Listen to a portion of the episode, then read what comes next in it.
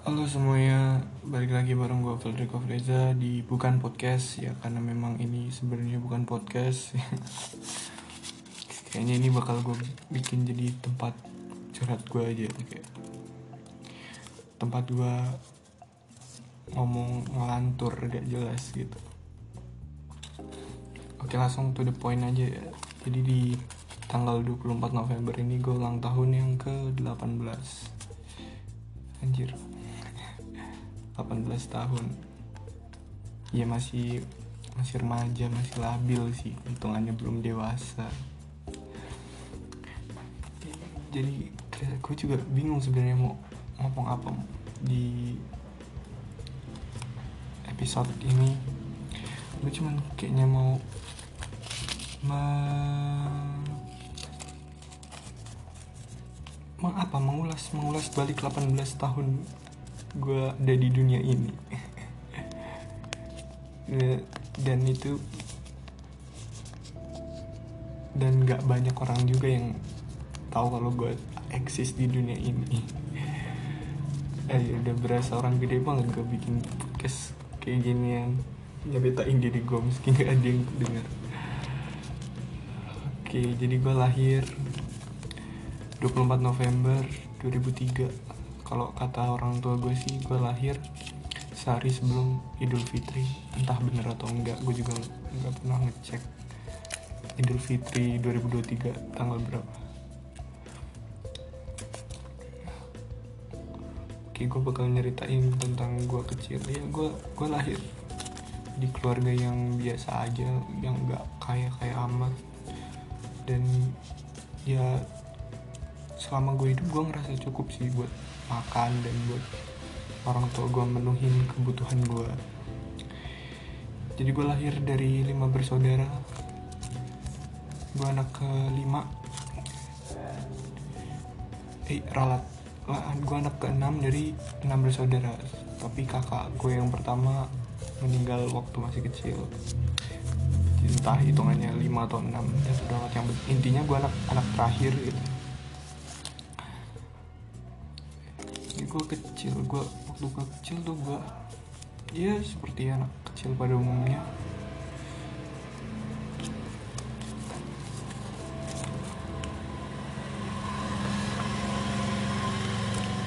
Gue gue ya gue tumbuh di lingkungan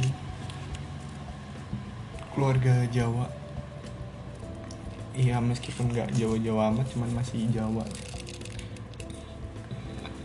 dan ya ciri khas keluarga Jawa ya kayak gitu. Nggak bisa disamain juga sih sebenarnya. Soalnya gue tinggal di Lampung. Gue keluarga Jawa cuman tinggal di Lampung. Ya, gue kecil gue gue kecil gue juga kurang inget sih. Awal kenangan awal yang paling gue inget yang gue kayak ngerasa tiba-tiba gue ke spawn di situ tuh waktu waktu mbak gue wisuda. Nah di situ gue ingatan yang gue bisa ingat dengan jelas.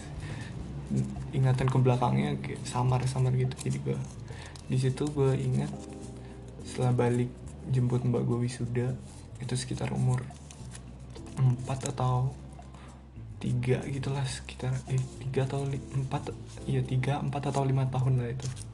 Gue juga lupa tepatnya jadi setelah nganterin mbak gue wisuda gitu gue di rumah.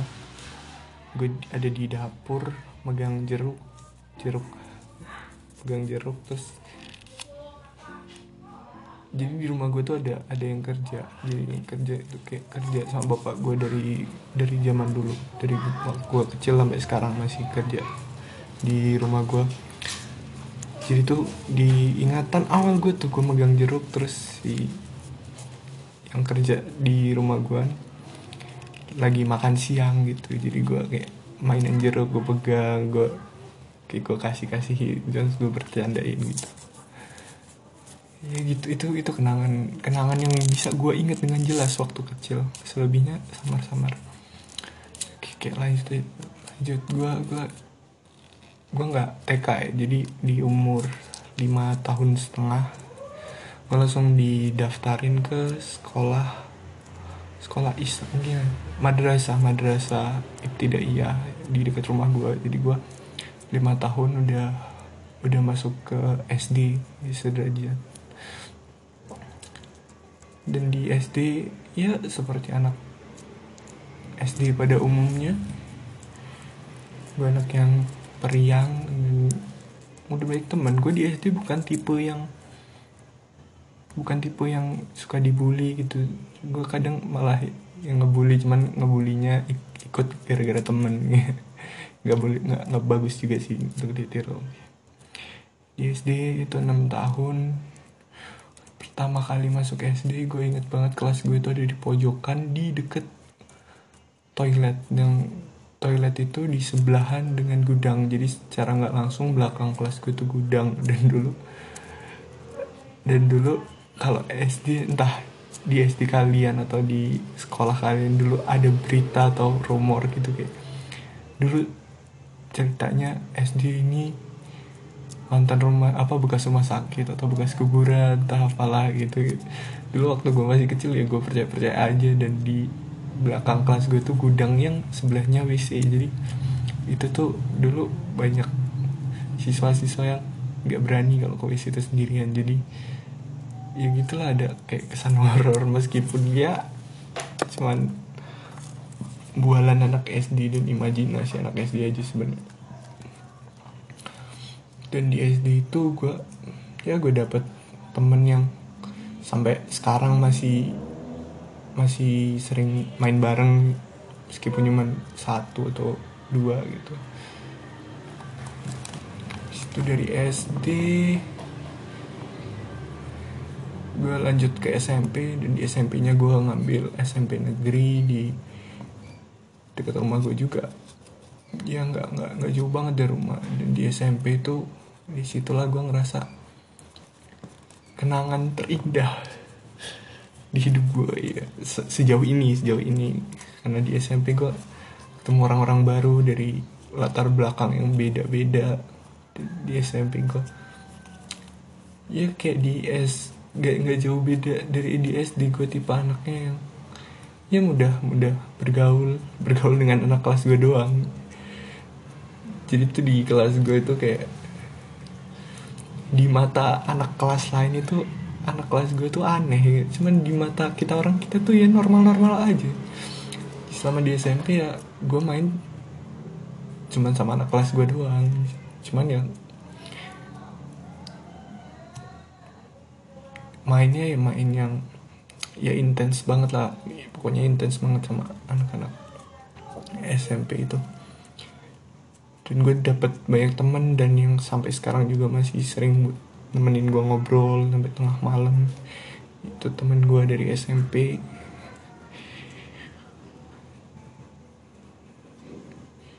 dan di SMP ya tiga tahun di SMP berkesan banget lah buat gue jadi setelah lulus dari SMP itu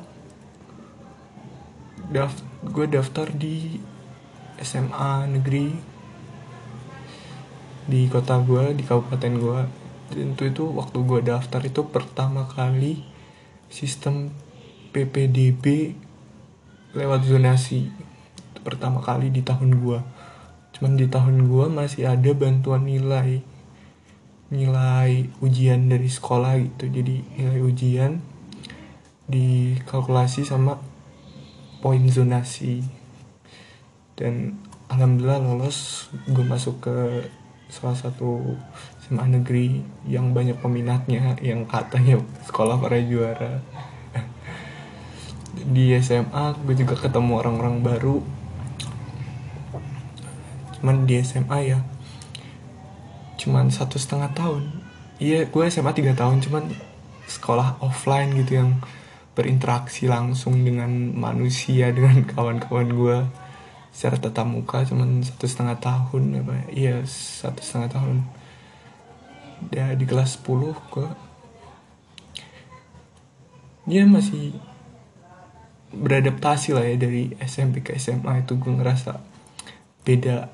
Iya gue mulai ngerasa insecure here waktu SMP gue fuck fuck fuck lah gitu dengan penampilan gue dan di SMA gue menelan ludah gue sendiri gue mulai berpikir kayak wah gue harus harus berubah. Harus kayak tampilannya harus lebih baik meskipun ya pada ujungnya juga gue kembali lagi bersikap bodoh amat lagi ke penampilan gue sekarang. Ya, di SMA tuh awal masuk ya dapet teman baru. Dapet ya dapet dapet kenangan-kenangan konyol waktu aku SMA jadi tuh waktu SMA gue gue inget banget awal awal itu gue entah gue bisa sepede itu zaman itu gue juga heran gue gue ikut lomba-lomba ya sekali sih sebenarnya lomba lomba nyanyi pakai bahasa Jepang itu di di SMA daerah kabupaten lain gitu. Jadi lombanya kayak antar prof an, se antar kabupaten kota. Jadi hitungannya seprovinsi gitu lah ya. Jadi entah gue bisa sepede itu gue juga heran setelah gue pikir-pikir lagi dan ya gak juara. Soalnya itu juga pengalaman pertama gue buat lomba lomba nyanyi bahasa Jepang yang dijuriin langsung oleh orang Jepang. Eh. dan di SMA juga gue dapet pengalaman yang lumayan banyak. Kebanggaan yang bisa gue gue kasih ke orang tua itu juga. Waktu zaman SMA kemarin itu gue gue bersyukur banget gue ikut seleksi paskibraka dan alhamdulillah gue lolos. Jadi paskibraka provinsi 2019 itu tuh itu keren banget sih menurut gue kayak anjir orang tua gue tuh kayak ngerasa bangga banget gitu anaknya bisa ngibarin bendera merah putih di di ya meskipun gak di istana negara tapi setidaknya bisa ngibar di kantor gubernur. Ya dari dari pengalaman itu juga gue dapet banyak temen lagi dan cakupannya lebih luas satu provinsi. Jadi di setiap kabupaten kota gue gue ya punya punya kenalan lah dan itu tuh masih ngefek banget sampai sekarang. Ya meskipun efeknya nggak sebesar waktu tahun gue bertugas itu cuman sekarang kayak efeknya ya gue jadi berani ngomong meskipun berani berani ngomong di tempat umum dan ngerasa sedikit pede. Dan gue ngerasa kayak ya cukup berani lah buat sendiri gitu hidup sendiri. Kelas itu tuh di 2019 berarti waktu gua kelas kenaikan kelas 11 sih kenaikan kelas 2 SMA dan nah, di kelas ya di kelas 11 itu gue cuma ngerasain satu semester Iya satu semester. Jadi gue di sekolah itu tiga semester yang tatap muka. Sisanya gara-gara 2020 udah covid 19 ada covid 19 ini sampai sekarang ini. Jadi sekolah online lah. Dan ya sampai sekarang. Ya di SMA itu gue dapet banyak teman cuman yang akrab ya cuman beberapa gitu paling tujuh tujuh atau ya tujuh atau range tujuh sampai lima belasan orang gitu ya sih. Akrab banget deket banget buat temen main gitu. Jadi waktu sekolah itu gue kayak ada circle gitu. Jadi di circle itu kita kita ini suka jalan-jalan suka traveling. Ya meskipun ini jalan-jalannya anak SMA paling cuman ke pantai ke air terjun gitu gitu cuman itu pengalaman yang yang cukup indah menurut gue bisa jalan-jalan bareng temen. Ya itu SMA gue ya itu, itu mungkin itu yang gue bisa ceritain sih se cuman satu ya apa satu setengah tahun di SMA sisanya online. Dan ya terus nih kalau online ya. Kegiatannya cuma di rumah ngezoom ngerjain tugas gitu dong. Sampai lulus kayak gitu aja. Dan ya setelah lulus sekarang ini gue udah kuliah di salah satu universitas negeri di provinsi Lampung. Dan ya gue juga sebenarnya agak-agak gak, gak ini nggak percaya gue bisa keterima gue daftar itu lewat jalur SBMPTN dan jujur S buat kuliah itu kayak menurut gue pilihan kedua. Soalnya gue punya ambisi buat masuk sekolah kedinasan gitu. Gue udah sampai bela-belain setelah lulus itu gue bela-belain tes di Jakarta dan ternyata nggak lolos. Cuman untungnya gue udah nyiapin plan B buat daftar SBMPTN itu. Jadi gue udah daftar SBMPTN sebelum sebelum bulan puasa. Gue buat tes sehari sebelum puasa tahun 2021 ini. Dan alhamdulillah gue lolos. Tuh pengumuman itu gue juga nggak percaya. Jadi ini gue cerita. Waktu hari pengumuman gue di hari itu hmm, sorry. Di hari itu gue jalan-jalan bareng kawan gue nonton film gitu di jadi rumah di kabupaten gue tuh nggak ada nggak ada bioskop gitu. Jadi kalau mau nonton bioskop harus ke Bandar Lampung dulu. Jadi di hari itu gue main ke Bandar Lampung buat nemenin kawan gue nyari kosan. Dan setelah nemenin kawan gue nyari kosan iya nonton bioskop nonton film dulu. Setelah nonton film itu kita orang kita orang itu pengumuman sebenarnya udah jam jam 3 itu udah pengumuman. Cuman gue belum berani buka. Dan karena emang gue juga nomor ujiannya gue lupa jadi nomor ujiannya gue tinggal di rumah aja nggak gue bawa. Dan di saat itu gue gue juga kayak udah pasrah sebenarnya nggak berharap banget karena ngeliat story kawan gue yang yang lain pada lolos gitu. Terus gue ngerasa anjir kayaknya gue gue gue ngerasa nggak nggak nggak pantas buat lolos. Entah kenapa gue pikir.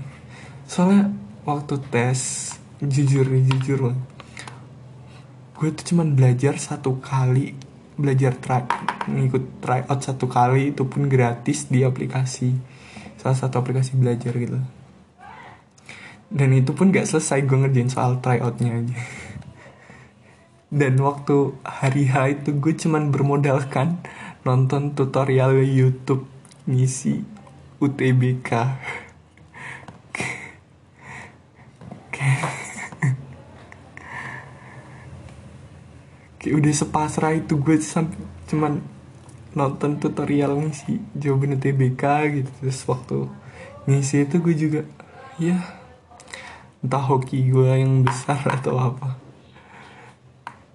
Dan malamnya setelah sampai di rumah gue baru buka pengumuman dan gue melihat gue dinyatakan lolos SBMPTN 2021 dan gue di malam itu gue seneng banget. Seneng seseneng senengnya. Emak bapak gue juga itu yang lagi nonton TV terus denger gue teriak-teriak ngeliat hasil itu kayak mereka juga seneng kayak air matanya berkaca-kaca gitu.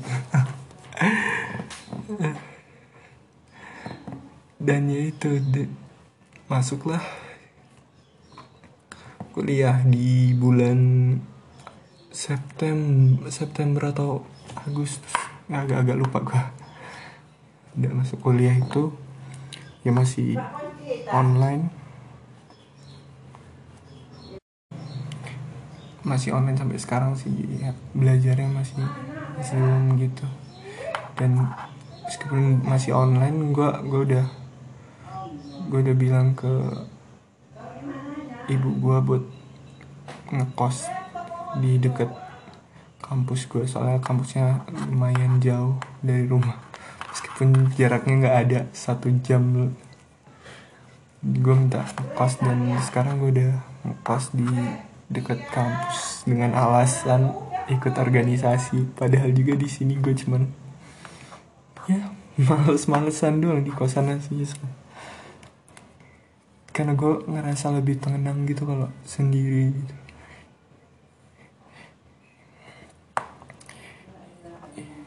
Anjir 20 menit gue cerita gak jelas kayak gini. Oke mungkin itu aja sih yang bisa gue gue gue gue, gue ceritain kayak. Kalau ada pengalaman menarik lainnya mungkin gue bisa ceritain di podcast di episode selanjutnya maksudnya. Yang relate dengan judulnya. Jadi gue gue ngerasa ya bersyukur aja dilahirin di dunia ini buat buat sejauh ini bersyukur. Iya semoga ke depannya juga harus tetap bersyukur dan gue makasih banget buat diri gue bisa bisa bisa se sejauh ini meskipun gak jauh-jauh amat. Dan ya makasih buat kalian yang udah mau dengerin gue eh,